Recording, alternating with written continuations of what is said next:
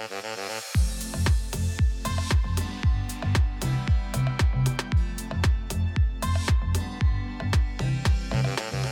tulemast kuulama Tervisekassa podcasti.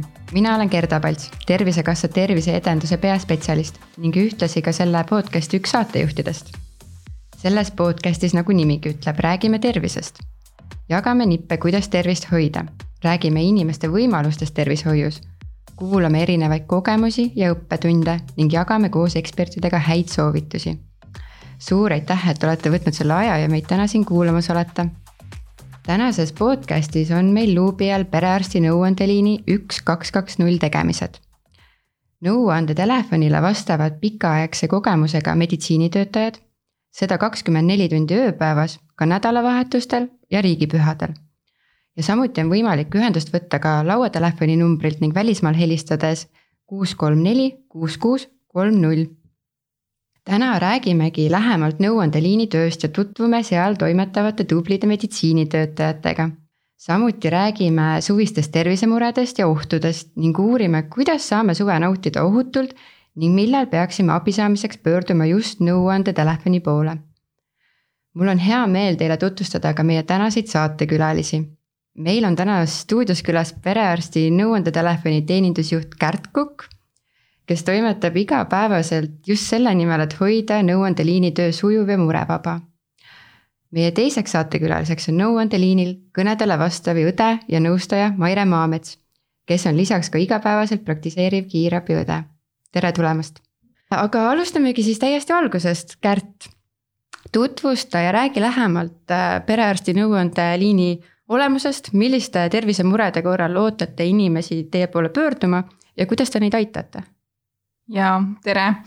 Äh, tegelikkuses perearsti nõuandetelefoni on ju töötanud juba peaaegu seitseteist aastat ja me olemegi peamiselt nii-öelda sellise ootamatu tervisemure puhul, et kui te soovite nagu teada, kas teie tervisemure puhul peab pöörduma erakorralise meditsiini osakonda, peaks kutsuma kiirabi või tegelikkuses saab ka abi lihtsalt meie nõustaja antud kodustest soovitustest, et saab murega täiesti vabalt kodus lahendatud ja kui see terviseprobleem tekib väljaspool teie perearsti tööaega, on see siis näiteks tööpäeviti õhtuti või nädalavahetusel või lihtsalt öösel. et siis äh, see on see aeg, millal äh, meie käest nõu küsida, sest me vastame kakskümmend neli tundi, nagu Gerda ütles. ja, ja samuti, kui te viibite ka väljaspool, ütleme, kas äh, kodumaad, et olete välismaale reisile läinud et siis kõige parem on abi saada ikka oma emakeeles, et siis julgelt pöörduda meie poole, meie pikal numbril ja, ja samuti, kui lähete näiteks ka maale, et olete oma perearstist väga kaugele jäänud, et siis samamoodi meie poole pöörduda julgelt. samuti anname me ka selliseid tervishoiukorralduslikele küsimustele vastuseid, et kui me räägime praegu on aktuaalne, et kuidas testima pääseda, kust saatekirja saada, kuidas vaktsineerima minna, kus aega panna.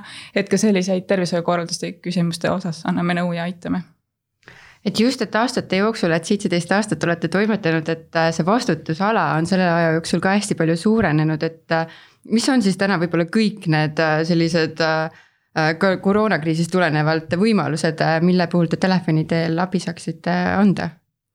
jah, just, et kui me esimesed viisteist aastat olime puhtalt selline anonüümne telefoni teel nõustamise telefon, siis kahe tuhande kahekümnenda aasta esimesest jaanuarist on meil lisandunud isikustatud konsultatsioon see on siis selline konsultatsioon, kus siis äh, isik ennast, helistaja ennast saab tuvastada ja siis saab arst juba ka minna inimese digilukku ja näha tema kohta nagu täpsemat informatsiooni ja anda palju täpsemat tervisenõu.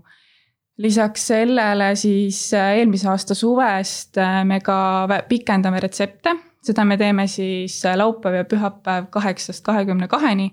ja me teemegi seda just nimelt, me pikendame, et kui on hädavajadus pikendada nõnda kroonilist retsepti. Nad läksid maale, jätsid maha oma diabeediravimid, et siis me saame selle doosi või paar nagu välja kirjutada, et saab siis kohalikust apteegist osta. ja samuti me teeme töövõimetuslehe märkmeid et see on nii-öelda selles, seal nendel inimestel, kes töötavad näiteks nädalavahetustel äh, graafiku alusel ehk siis muidu tavaliselt tööpäeval sa teavitad oma perearsti, et olen haigestunud, tema avab sulle töövõimetuslehe. aga kui me räägime graafikuga töötajatest, kes võib-olla peab olema laupäeva öösel vastu pühapäeva tööl, aga ta on nüüd ootamatult haigeks jäänud, siis ta saab meile teada anda, meie meedik teeb epikriisi digilukku ja siis esmaspäeval peab siis pöörduja pöörduma oma perearsti juurde ja perearst saab siis tagantjärgi vaadata, et ta meie poole pöördunud ning saab talle siis sellest laupäevasest päevast selle töövõimetuslehe avada, et ta ei pea nagu siis ei kaota seda ühte või kahte päeva, mis ta tegelikkuses juba oli haige. Ja samuti alates siis teisest detsembrist eelmisest aastast tulime me appi ka Covidi olukorras siis niimoodi, et me väljastame koroonatesti saatekirju iga päev kaheksast kahekümne kaheni. Ehk siis, kui te ei saa oma perearsti kätte või teil puudub perearst või puudub ravikindlustus, siis tegelikkuses meie poole pöördudes siis äh, Covidi sümptomite korral meie meedik suunab teid edasi ja siis assistent koostab äh, saatekirja, mille alusel siis minna Covidi testi tegema. väga põnev, nii et äh, võimalusi, millega te aidata saate, on tõesti väga-väga palju aga Maire, sinul on aastatepikkune kiirabiõena töötamise kogemus räägi meie kuulajatele lähemalt, et kuidas sa leidsid tee perearsti nõuandeliini meeskonda ja kuidas sa leiad üldse oma tihedas graafikus aega nii paljude asjadega tegeleda, et mis sind motiveerib? tervist ka minu poolt, et äh, perearsti nõustamisliinil leidsin ma tööd selliselt, et äh, seoses äh, Covidiga jäin ma töötuks laevameediku kohalt ja ma andsin ennast üles äh, nii-öelda äh, tasuta äh, siis abi pakkumiseks meedikuna. ja sealt mind perearsti nõustamise liini juht leidiski. mis helistas mulle ja pakkus tööd ja siiani töötan, olen väga rahul. mis motiveerib? võib-olla siis see, et selles töös ma saan aidata niivõrd palju inimesi. et kui mõelda, et üle saja kõne päevas kindlasti tuleb et siis kujutage ette, kui palju ma saan aidata ühe päevaga. Et kiirabivisiite kõige rohkem kümme-viisteist tuleb, siis on noh hästi palju. aga samuti ma saan ka kiirabi äh, koormust vähendada oma tööga. et ei ole mõttetuid visiite liiga palju väga tore, ei see töö on kindlasti väga-väga selline mahukas ja vastutusrikas mm,. Äh, aga kuulajatel oleks kindlasti põnev ka teada võib-olla selliseid nõuandeliini igapäevaelust ja sellistest telgitagustest et äkki te räägite lähemalt, et äh, kuidas teil selline äh, töökorraldus jaotatud on, et kui palju inimesi teil korraga tööl on, et äh, või milline on igapäevane koormus seal ja kuidas see teie meeskonnas on korraldatud, see töökorraldus? meil töötab korraga siis kolmkümmend meedikut on meie nimekirjas, kellest kümme on arstid ja kakskümmend on õed meie meedikud on kõik äh, väga pikaajalise kogemusega, meil on pereõdesi, perearste, kiirabiõdesi, kiirabiarste, EMO-õdesi, EMO-arste. kõik erandlikult räägivad vene ja eesti keelt, et äh, saavad ka kõik venekeelsed meie käest nii-öelda emakeeles nõu küsida. lisaks pakume me iga päev ka ingliskeelset nõustamist, et saavad ka nii-öelda Eestis elavad välismaalased meie poole pöörduda Äh, praegusel juhul on meil selline tuhat, tuhat ükssada kõnet päevas, et äh, keskmiselt siis niimoodi tööpäeval, et äh, rohkem on kõnesi laupäev ja pühapäev, mis on ka loomulik, kuna perearstid ei tööta. ja tihtipeale ikkagi lapsed otsustavad just siis haigeks jääda. Et siis murelikud emad meie poole pöörduvad. Ja, ja, ja, ja kõige vähem on kõnesi öösiti aga korraga on meil tööl tööpäevadel kuskil viis-kuus nõustajat korraga vastavad, et, et kui sa päeva jooksul meile mitu korda helistad, et ei pruugi juhtuda samale meedikule.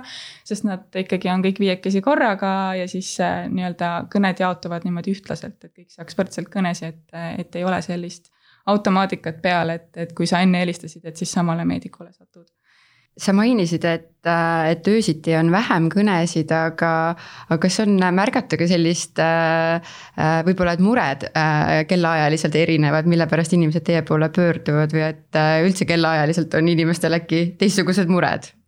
Ja tegelikkuses on märgata kogu päeva jooksul sellist elurütmi, et, et hommikul juba kaheksast hakatakse rohkem helistama, et kui perearst võib-olla veel juba ka vastu ei võta, et siis helistatakse meile. Äh, siis nagu natukene raugeb see kõnede laviin, siis jälle lõuna ajal on inimestel rohkem aega, jälle pöörduvad ja õhtul, kui nad koju lähevad, siis nad jälle rohkem pöörduvad. Äh, kõnede teemade lõikes ähm, öösiti on ikka sellised, noh, on unetuse probleeme, on võib-olla natukene sellist alkoholismi sõltuvust tunda. lapsed jäävad alati kõige ootamatul ajal haigeks, nagu ma ütlesin, et lastel tõuseb just öösel palavik ja siis on vaja emal teada, et palju seda paratsetamooli tuleb anda ja. ja noh, ikkagi muutuvad päeva jooksul need, need mured aga Maire, äkki sina räägidki siis täpsemalt, et milliste muredega peamiselt üldse pöördutakse teie poole või et kes on see niinimetatud võib-olla tavapärane või ootuspärane helistaja? väga palju pöörduvad noored emad just väikelaste probleemidega. sageli just palavik, lapsed ju kasvavad ja palaviku alandaja annused ka sellisel juhul peaksid nagu olema suuremad aga emad ei märka seda ja selle tõttu tihti äh, jääb see palavik äh, alandamata just sellepärast, et annused on liiga väiksed, aga lapsed on juba vahepeal suureks kasvanud.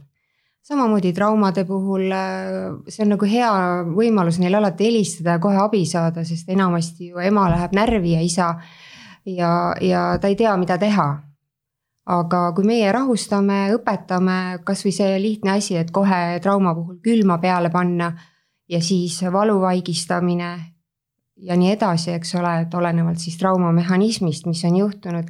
teinekord tuleb ka kohe kiirabi kutsuda just mehhanismi pärast, kui liiga kõrgelt on kukkumine näiteks või midagi sellist.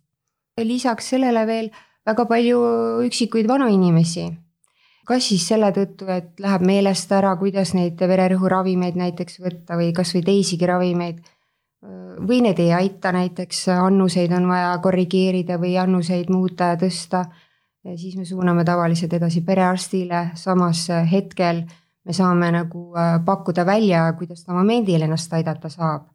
Äh, küsime, mis ravimid kodus on ja siis juhendame, kuidas neid võtta.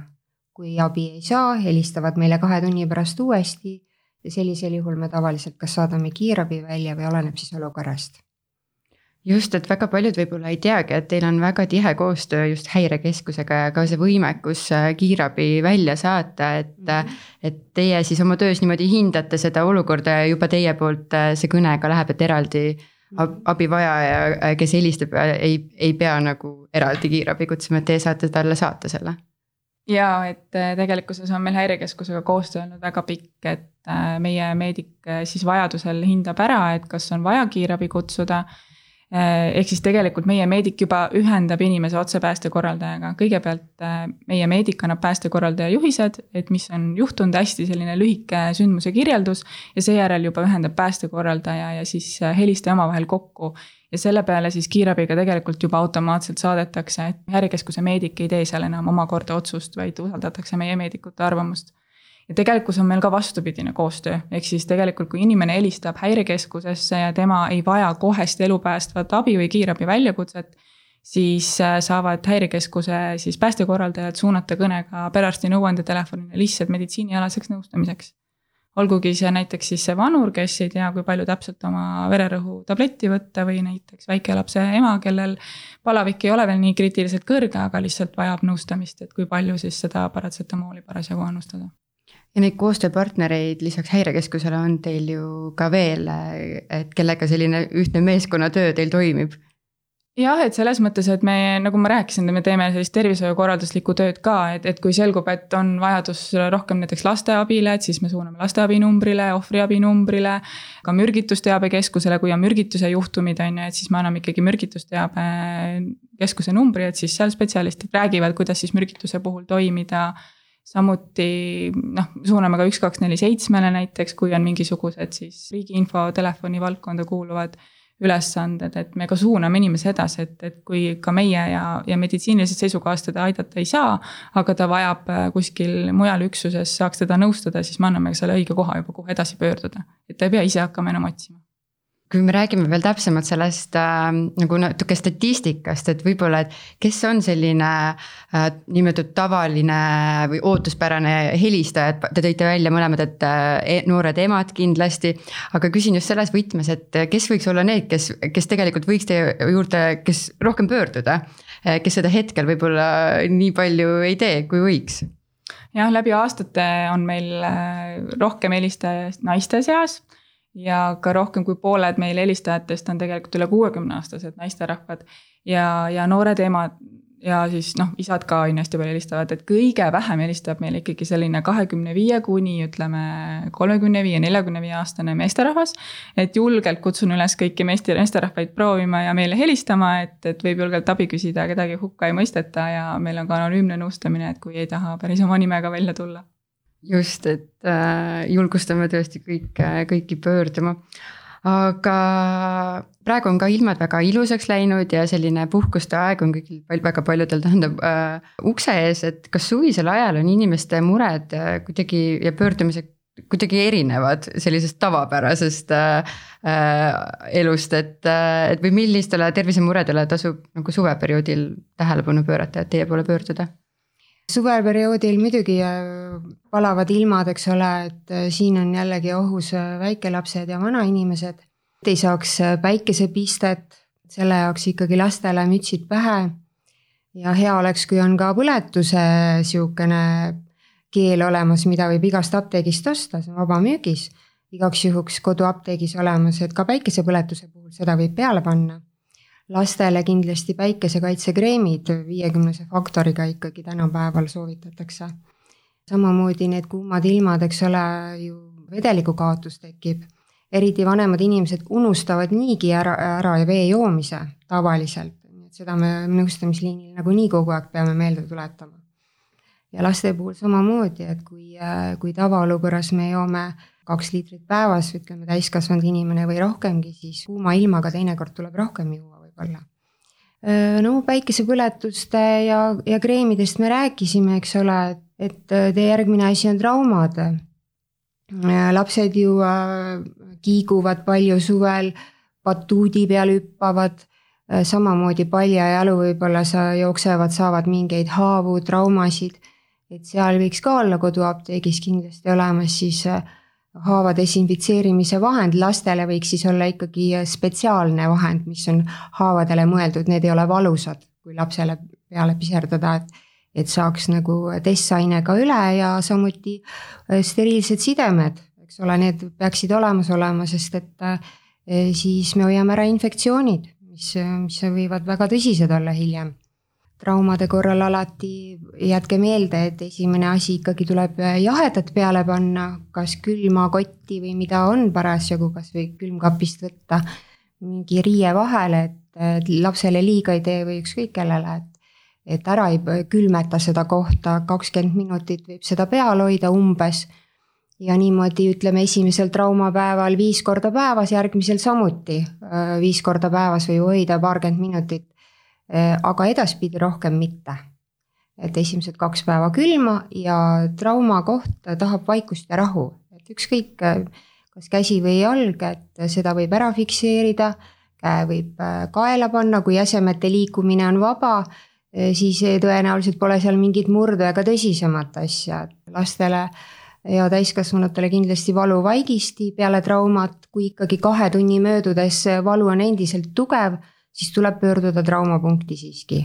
võib-olla on vaja röntgenit teha või, või traumatoloog vaatab üle ütleme, et on äh, väga ilus suvine ilm, oled äh, kaugel oma kodukohast, eemal maal lastega ja tead, võib-olla kell on ka selline juba pool kümme õhtul ja laps hüpp- või kukub batuudi peale, et mis hetkel te ütlete, et oled võib-olla natukene eraldatud äh, linnast, et äh, mis hetkel ma peaksin mõtlema, et ma helistan üks, kaks, kaks, null teile või kas ma peaksin kohe kiirabisse pöörduma või sõitma kohe otse linna, et kuidas, äh, kuidas niimoodi seda otsust oma peas, kuidas soovitaksid seda vastu võtta, et et kui juhtub näiteks trauma nüüd suvisel perioodil? no väikeste laste puhul, kellega noh, ei saa ju suhelda nii täpselt, me ei tea, mida ta tunneb. siis, kui laps kukub ja hakkab kohe nutma, siis me võime olla rahulikud, et, et noh, oleneb, kuidas see trauma on, et kas ta lõi pea ära või mitte, et siin me alati kardame peatraumat, eks ole.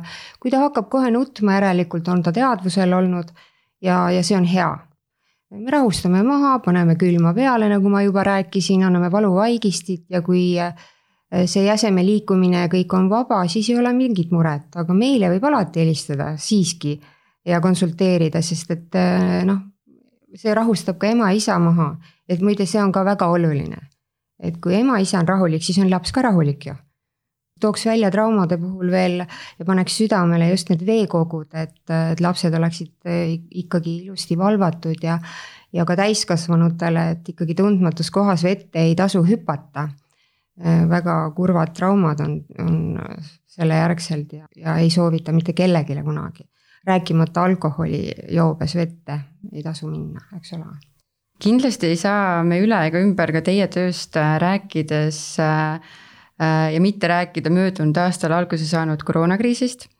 ja, ja uuringi, et kuidas see muutis teie töökorraldust, et äkki Kärt, alustame sinust ja et, et kui kolmteist märts kaks tuhat kakskümmend aastal Jüri Ratas ühel reedesel õhtupoolikul välja kuulutas eriolukorra, siis tegelikkuses äh, inimesed olid hirmul, inimesed olid ärevad, inimesed olid, äh, võiks öelda, et lausa paanikas. et tegelikkuses äh, ainus number, võiks öelda, mis neil meelde tuli, oli üks, kaks, kaks, null ja tegelikkuses lähima tunni aja jooksul, kui Jüri Ratas selle maha ütles, helistati meile kümme tuhat korda. et kui tegelikkuses jääb meil ikkagi keskmine tunni kõnede arv sinna kaheksakümne ja saja vahele, siis see kümme tuhat on ikka meeletu kasv. Ilmselgelt kõiki neid me ära teenindada ei suutnud, aga see väga selgelt kirjeldab seda olukorda, et milline oli see nagu laviin, mis peale tuli. tegelikkuses meie esmane roll ja meedikute roll sel hetkel oligi just see ära, ärevuse ja, ja selline hirmu mahavõtmine, inimeste rahustamine, inimesed no helistatigi igasugustes küsimustes sel hetkel, et, et mis võib-olla otseselt ei puudutanud ka meditsiini aga just see nagu inimesed tundsid, et nad on nagu jäetud abituks või hätta. Et näiteks küsitigi, et äh, mul mees on Saksamaal rekkajuht, et kuidas ta nüüd koju saab. et siis me rahustasime inimese maha, ütlesime, et palun helistage välisministeeriumi konsulaarabi numbrile, et sealt teid aidatakse edasi, et kuidas see kõik täpselt toimub. või näiteks, et äh, esmaspäeval on ju koolid nüüd ka kinni, et kus ma siis lapse panen, on ju, et, et täiesti sellised elulised küsimused ja esimene hoog meil oligi lihtsalt inimeste hirmu ja paanika mahavõtmine et see oli väga suur roll meie meedikutel ja kindlasti ka töö kiire ümberkorraldamine, et selline rekordkõnede arv, et äh, kindlasti ei saanud äh, noh, kõik soovijad liinile, et, et pidite ilmselt äh, inimesi rohkem tööle kutsuma ja, ja et see sihukest tavapärast töökorraldust kindlasti ka väga palju muutis jah, et kui ma ütlesin, et tavapäraselt on meil viis-kuus meedikut korraga tööl, siis ka praegu tegelikkuses on meil nädalavahetustel kõnede arv suur, meil on seitse kuni kümme tükki. siis tegelikkuses Covidi ajal äh, kõik, kes vähegi olid nõus ja said tööd teha, tulid appi, et ma väga tänan oma meedikuid, nad olid kõik valmis tegema ületunde, inimesi aitama. Nad tulid kõik välja, me koolitasime kiirelt juurde, kutsusime nii-öelda teistest tervishoiuasutustest ka kiiresti endaga liituma. et, äh, et me kiirelt tõstsime seda vastuvõtuvõimet ja seda meedikute hulka, et, et see võis olla tipphetkel ka ligi kakskümmend nõustajat korraga liinil. et kõnede arv ikkagi jäi hästi kauaks püsima sinna nelja tuhande, viie tuhande peale päevas. et äh, teenindasime ikkagi rekordiliselt palju sel hetkel Maire, sa, sa neid numbreid kuulates, et äh, see on sedavõrd suur koormus ja just nende kõnede arvust, et äh, kuidas, kuidas sina isiklikult sellega toime tulid ja kõigile olid valmis seda abi pakkuma, mis, mis neil vaja oli? Äh, jaa, et nii mina kui ka minu kolleegid kindlasti töötasid väga suure koormusega ja me proovisime ehk mingisugustel hetkedel kiiremini tööd teha et äh, inimesed äh, võimalikult palju saaksid abi. sellega seoses kõnede arv tõesti oli isegi mõnikord kakssada nelikümmend kõne seal neljateist tunni jooksul. ja lõpuks me saime aru, et siiski äh, äh, ikkagi nii kiiresti pole võimalik töötada, sest sest ka patsiendid, kes meile helistavad, nad ei, ei suuda seda infot vastu võtta. nii et tegelikult äh, kõik see, mis me teeme, kasvõi need pausid seal kõnede äh, juures on olulised. et, et me siis saame aru, kas see info ka kohale jõuab, et pole ju mõtet lihtsalt rääkida, keegi midagi aru ei saa, et, et ja info, info jääb saamata, me nägime, et tulid ka korduvkõned, sest nad ei saanud ikkagi aru, millest, millest jutt käis. ja teisest küljest ka noh, ka praegu on niimoodi, et me alati ütleme, et helistage meile uuesti kui, kui mõni asi jääb arusaamatuks, sest et helistavad vanemad inimesed, see on kõik nii keeruline praegu. ja, ja väga palju äh, jääb abita neid inimesi, kellel on kroonilised haigused selle Covidi pärast, kes kogu aeg on abi saanud ja nüüd järsku on nagu Covid kõige tähtsam. et selles mõttes ka on, on väga raske, et, et patsiendid nagu ei tea, kust abi üldse saab ja, ja selle tõttu see meie nõustamise liin muutus äh, järsku selliseks, et, et me hakkasime nagu sellist tööd juba tegema. et, et noh, telefoni teel ei tohi ju inimesi ravida, et noh, me ei näe ju neid. aga teinekord oli vaja nagu nõu anda, sest kuskilt mujalt seda ei tulnud seoses äh, ka siis selle koroonakriisiga, et kas te tunnetasite ka seda, et äh, sagenesid ka pöördumised inimeste poolt vaimse tervise küsimustega ja, ja kuidas te neid aitasite? Ja väga palju suurenesid, kuna Covid väga palju on mõjutanud meie elu seoses sellega, et on ka töötus kasvanud Eestis ja seoses sellega need mured on väga suured praegu et loomulikult me neid kõiki nõustame ja aitame nii palju, kui me suudame. aga jah, et siin, kui ikkagi inimesel ei ole tööd, siis äh, seda ravida ravimitega on nagu väga raske. Loomulikult me alati aitame, nõustame ja teinekord on olnud abi ka. et, et siit tulebki see teema, et me nagu, see on nagu juba mittemeditsiiniline nõustamine, et vahel on vaja öelda inimesele, et pöörduge sotsiaalametisse või või, või midagi sellist soovitada, sest need inimesed ei tule ise selle peale. ja siis äh, sellega seoses, kas äh, ka lapsed ju kannatavad. Äh, mees ja naine tülitseb kodus. Põhjuseks on see, et ei ole tööd. võib-olla. et see on kõnedest välja tulnud. just ja, ja sagenenud kindlasti praegusel mm -hmm. perioodil. aga mm, minnes nüüd natukene võib-olla, ma ei tea, kas nii on õige öelda, aga võib-olla sihukese natuke võib-olla keerulisema poole peale, aga teie töö on äärmiselt vastutusrikas ja selline väga tihe, et. Mm, kas teile satub ka aeg-ajalt selliseid võib-olla emotsionaalselt väga raskeid kõnesid, et kus mure pärast äh, kõne lõppemist jääb püsima? et kuidas te selliste olukordadega toime tulete või kuidas see on teie jaoks niimoodi lahenenud? ja et äh, siiski me tahame, et kõne käigus äh, saaks nagu asi lahendatud. ja kui mingil põhjusel ka siis nagu eelnevalt öeldud, see vaimne pool veab alt, et me teinekord helistame tagasi. On olnud ka juhuseid, kus me pöördume häirekeskuse poole, anname selle numbri, kui, kui näiteks inimese elu on ohus või, või kellegi teise oma, tema lähedase sest just selle vaimse poole pealt äh, on ju selliseid kõnesid küll ja küll olnud, kus helistaja ütleb, et ma võtan endalt elu praegu. ja siis me peame ju kiiresti reageerima, saatma politsei ja päästjad ja kõik appi, sest et noh. Ta, ta nagu juba kirjeldab, kuidas ta seda teeb, et noh, et siis sellisel juhul me loomulikult reageerime. et üks, üks, kaks on siis, kes aitab kuna see kõnede arv on meeletult kasvanud, nagu me siin juba mitmel korral oleme rääkinud siis kas tuleb ette ka seda, et äh, helistatakse tihti lihtsalt niisama, et kui tegelikku mure võib-olla üldse ei ole. tahetakse lihtsalt rääkida, tõesti nagu lihtsalt sihukest äh, äh, aega viita äh, või rumalat nalja teha, et seeläbi hoitakse seda liini kinni, kus päris abivajajad siis äh, äh, ei pääse jutule, et kas teil tuleb seda ka tihti ette ja, ja mis te, mis te selle kohta ütleksite? ja loomulikult tuleb ette, et, et see kindlasti ei ole mingisugune valdav, et me ikkagi eeldame, et kõik, kes meie poole pöörduvad, vajavad abi et see ka laias laastus niimoodi on ähm,. on selliseid võib-olla naljakamaid juhtumeid, et numbrid tahetakse sassi, näiteks Tulika takso on üks, kaks, null, null. et äh, tere, sooviks taksot, et noh, et, et see on selline läbi aastate selline põhiline nii-öelda valeühendus. et, äh, et kogemata valitakse mitte üks, kaks, null, null, vaid üks, kaks, kaks, null, et tahetakse sassi ja, ja tegelikkuses on meil ka tegelikult selliseid nii-öelda kuldkliente või, või sarihelistajaid. Et osadel kindlasti on see nii-öelda, ongi see vaimse tervise häire. et võib-olla tal on ka mingi sundmõtlemine pidevalt arsti või meediku abi küsida või pidevalt lihtsalt kellegiga rääkida ja tegelikult ongi tõesti inimestega lihtsalt rääkimise vajadus. et kui me räägime, et meil on üle poolte selline kuuekümne aastased naisterahvad, siis tegelikkuses ka Covidi ajal tuli väga palju seda ette, et need lähedased jäidki koju üksinda noh, lapsed ei julgenud minna, et äkki viin talle koroonaviiruse, on ju, ja need olidki tegelikkuses niimoodi nagu jäetud kõrvale.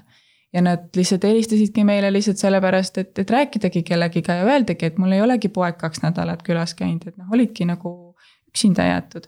et ka selliseid kõnesid, noh, ma ei ütleks, et meil on nagu vale millegiga pöörduda või et, et tehakse nagu mõttetult nalja, vaid tegelikkuses inimesel on mure ja ta ei oska kuskilt alustada ja ma usun, et see on meie jaoks täiesti vastuvõetav, et nad alustavad meist ja siis me aitame teda edasi. Teie töö on äärmiselt tänuväärne ja vastutusrikas ja aitate igapäevaselt äh, kindlasti väga paljusid abivajajaid aga kas on ette tulnud ka nende kõnede kaudu selliseid silmapaistvaid tänulugusid, äh, kus hiljem abisaaja mõnel erilisel moel teid meeles peab ja üldse, milline see võib-olla positiivne tagasiside, milline, milli-, kui tähtis see on või millist rolli ta teie, teie töös mängib? ja et meeldiv tagasiside on alati hästi tore ja seda ka tuleb päris palju mõnikord isegi tänatakse väga väikeste asjade eest, et, et lihtsalt, kui see probleem oli inimesele niivõrd suur ja ta sai selle lahenduse, siis ta on nii tänulik, kirjutavad, helistavad uuesti tagasi. paluvad kindlasti äh, ühendust võtta selle inimesega, kellega nad rääkisid ja tänada veel isiklikult.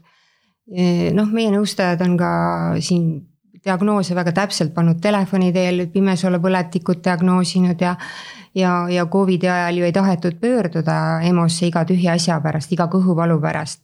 ja niimoodi võis ju jääda kõrva või noh, märkamata õigel ajal see pimesolepõletik. sellisel juhul ka oli üks suur tänukiri samamoodi nõustajad on juhendanud, kuidas siis aidata näiteks kroonilisi haigeid või vähihaigeid, nende lähedasi, kuidas hooldada, hoolitseda nende eest. sest et keegi ei õpeta neid ju ja, ja, ja meie nõustajad on aidanud. väga ilusad kirjad on tulnud ja me oleme tänulikud, et meile siiski antakse tagasisidet, siis me tunneme, et me oleme ikka kõige vajalikud ju. et see on väga tore just, et äh, kõiki julgustada seda tegema, Kärt, kas sul on midagi lisada? jaa, et noh, Maire küll ütles enamuse ära, et aga, aga just, et, et selliseid, meil tuleb kaebusi ja kiitusi ja igast erinevaid tähelepanekuid ja tagasisidet ikkagi ütleks, et päevas mitu korda et olgu see lihtsalt see inimene, kes helistab paari tunni pärast tagasi, ütleb, et teate, võtsin nii palju rohtu, nagu käskisite ja läkski paremaks, et suur aitäh, et, et see on tegelikult äh, hästi tänuväärt, et inimene võtab selle ette, et meid tänada, et teada anda, et ta on parem. sest tegelikkuses me olemegi ju selleks, et aidata ja tegelikult peale seda, kui meie meedik kõne ära katkestab, ta ei tea, mis edasi saab ja ta ei saagi kunagi teada. et kindlasti kutsun nagu üles, et kui te jäite rahule, olgu see suur või väike asi, siis andke teada. Kas kirjutage mulle, helistage lihtsalt meedikule tagasi, et see on meile suur rõõm. et, et see ongi see, mille pärast me seda tööd teeme, et inimesi aidata. ja kui me kuuleme, et nad on teenusega rahule jäänud ja nad on abi saanud, siis see ongi kõige suurem tänu meile üldse kindlasti, et tõesti kõik, kes, kes abi saavad, siis äh, seda ka äh, Äh, välja öelge, aga hakkasin mõtlema äh, just nende komment-, kommentaaride puhul, et äh, me oleme rääkinud siin positiivsest tagasisidest, aga kas te tunnete ka oma töös, et mm, kuna see on anonüümne, see telefonikõne, ta võib olla, siis kas inimesed on julgemad ka võib-olla nagu sellist oma pahameelt ja negatiivset tagasisidet võib-olla rohkem andma just tänu sellele, et see on anonüümne ja just ja tegelikkuses just see telefoni konsultatsioon on see, et, et läbi telefoni, kui sa ei näe teist inimest ja see teine inimene ei näe sind, siis äh, kohe kindlasti on inimesed julgemad võib-olla ütlema välja seda, mida nad inimesele näost näkku ei ütleks. et sellist äh, konflikti ikka aeg-ajalt nagu kõnede käigus hakkab tulema aga õnneks meie kõik meedikud on saanud põhjalikke koolitusi, et kuidas sellises olukorras käituda, kuidas inimene maha rahustada ja kuidas seda kõnet siis juhtida niimoodi, et, et ikkagi ohjad on nii-öelda meediku käes. Maire, kas on äh, tekkinud sul äh, just see, nagu sellistest kõnedest või sellisest tagasisidest mõnikord ka selliseid madalaid punkte või et kuidas sa lased äh, sellel mitte oma tööd segada?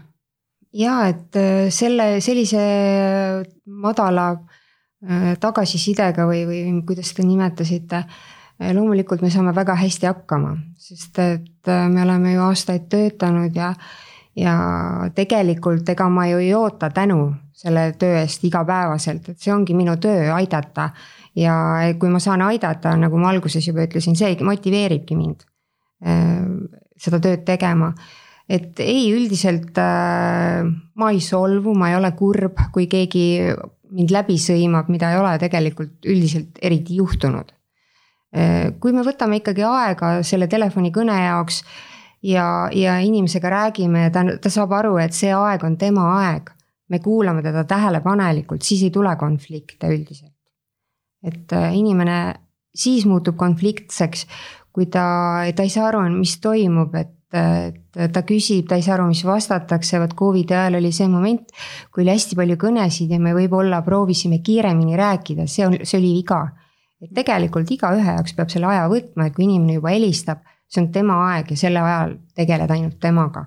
ja oled veendunud, kas ta ka sai aru su jutust just, et äh, nagu sellel on kindel algus mm, -hmm. keskosa ja lõpp, et. ja, just täpselt ja siis on äh, patsiendid üldiselt väga rahul ja, ja saavad aru paremini. et äh, tegelikult on ju meditsiinis väga keeruline see tekst teinekord ja me peame ikkagi arvestama, et me ei räägi ju meedikutega, vaid tavainimestega, nemad ei tea sellest midagi, me peame selle jutu panema ikkagi sellisesse mõistetavasse keelde, tavakeelde see keelekasutus peab olema arusaadav kõikidele. Vähemalt möödunud aasta ja see aasta on olnud äh, kindlasti ka teil käed-jalad tööd täis. milline on see võib-olla praegu statistikat vaadates äh, tulevikuprognoos ja visioon, et äh, kuidas te näete, et teie töö siin nüüd järgmisel poolaastal läheb? Ja et, et eelmine aasta me tegime läbi aegade rekordikõnega, et meie, meile pöördus äh, üle kolmesaja kahekümne nelja tuhande inimese, mis oli siis kolmkümmend kaheksa protsenti rohkem kui kaks tuhat üheksateist aastal. ja kui ma täna hommikul tegelikult võtsin välja ka selle aasta seisu, siis äh, see aasta, selle peaaegu poole aastaga me oleme juba ära vastanud äh, rohkem kõnesid kui kaks tuhat üheksateist aastal kogu aasta kokku et kui ma arvasin, et kõik rekordid jäid meil äh, nii-öelda sinna Covidi kriisi alguse aastasse ehk kaks tuhat kakskümmend aastasse, et kus me lõime päeva, tunni, sekundi, kuu ja aasta rekordid lõhki, siis tegelikkuses see aasta oleme me taaskord kõik rekordid juba lõhki löönud. et äh, tegelikkuses ma väga loodan, et nüüd suvekuudel maht natukene väheneb et see on aastate jooksul olnud selline statistika, et suvel ikkagi ka minu meedikud saavad natukene puhata, kõnesid natukene vähem, et ma ei pea korraga neid nii palju tööle panema. aga kindlasti me oleme valmis selleks, et sügisel võib tulla uus kõnede tõus, et kui jälle koolid avatakse ja, ja kui hakkab uus viirushaiguste hooaeg. et, et prognoos ikkagi on, et sel aastal tuleb ka ikkagi kogu aasta kõnede mahurekord ühesõnaga, tööd on teil palju ja ma väga-väga loodan, et äh, suvel äh, saate ka nautida muidugi välja teenitud puhkust, aga nagu me ennem siin juba ka Maire, sa põgusalt rääkisid, et äh, millised oleks nüüd sellised suvesoovitused, mida meeles pidada siin Eestis ja ringi liikudes ja puhkuste ajal, mis meil siin väga paljudel kohe-kohe ukse ees on et siis äkki sa annad sellised lõpetuse apteegisoovitused, äh, milleta kodust ei peaks kodust välja minema. Äh, et äh, ja mis on sellised võib-olla jah, meeles pead, et mida kindlasti kaasa võtta ja, ja, ja tõesti, kui on mure käes, et siis millal teile helistada? jaa no apteegi soovitused, alati igaüks mõtleb ka enda krooniliste haiguste peale nii laste puhul kui äh, vanemad inimesed, täiskasvanud. et äh, tema haigusega seoses ravimid koju ei jääks, kas epilepsiarohud, vererõhuravimid, mis iganes kellelgi äh, mureks on. aga väikelaste puhul loomulikult alati võiks olla kaasas paratsetamool, ibuprofeen, et alandada palavikku või ka valu puhul, kui mõni trauma peaks juhtuma et see oleks olemas, sest et noh, kui apteeki ei ole läheduses ja lapsel valutab kuskilt, siis on ikka väga pahasti, et ei, et me ei saa teda aidata ise.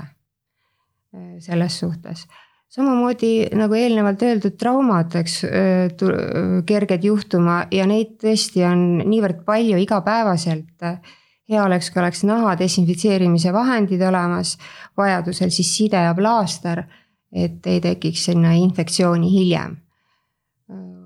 mis siis veel, põletuskeelid võiksid tõesti olla kaasas.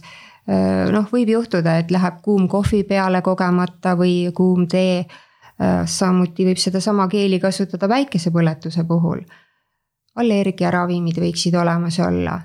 väikelastele on olemas Sürteki tilgad apteegist saadaval või siirup vabamüügis ja täiskasvanutel samuti on sellised ravimid vabamüügis, võib apteekri käest alati nõu küsida. millist võtta, erinevad hinnad on seal. noh, palju on igasugu putukahammustusi, puugid ja, ja muidugi ka rästikud on meil mürgised, eks ole, et seal selles suhtes peate hästi hoolsad olema. putukahammustuste puhul on samamoodi tessaine allergiarohi, mingid salvid, mis vabamüügis on, apteekrid kindlasti oskavad soovitada. ja ega muud polegi suurt, aa, kraadiklaas võiks kaasas olla tihtipeale inimestel seda ei ole ja, ja lihtsalt ütlevad, et laps on kuum, et ei tea, kas on nelikümmend palavik või on kolmkümmend kaheksa. et selles suhtes väikelaste puhul võiks alati see ikkagi kaasas olla. Enamasti emadel on kõik kaasas ka, et, et, et nad on väga hoolsad tegelikult just, emad mm -hmm. tihti on ka käe, kätega juba nii äh, vilunud, et on ka käekraadiklaas selline. et äh, võid juba peaaegu väga täpselt ära öelda mm. -hmm. aga suur aitäh, need on äärmiselt kasulikud ja head soovitused ja kindlasti tasub äh, meil kõigil need kõrva taha panna. ja nende samade soovitustega meie oma tänase saatega lõpetame suur aitäh, Maire, suur aitäh, Kärt, täna saatesse tulemast ja meiega oma kogemust jagamast Äh, ma tean, et minul oli väga äh, põnev äh, kuulda ja tutvuda lähemalt teie tööga ja usun, et kuulajad minuga ka nõustuvad. ja kallid kuulajad, aitäh ka teile. nagu siin mitmel korral on läbi ka käinud, siis suvi tõesti on ees, ilmad on ilusad. Aga olge terved ja olge hoitud ning pidage meeles, et väiksemate tervisemurede puhul tasub kindlasti pöörduda perearsti nõuandeliini üks, kaks, kaks, null numbrile kus siis juba kogenud spetsialistid äh, saavad teid äh, toetada või anda edasised juhtnöörid, kuidas te oma tervisemured, äh, tervisemurele lahenduse leiate. olge tublid, olge terved head suve nautimist, nägemist.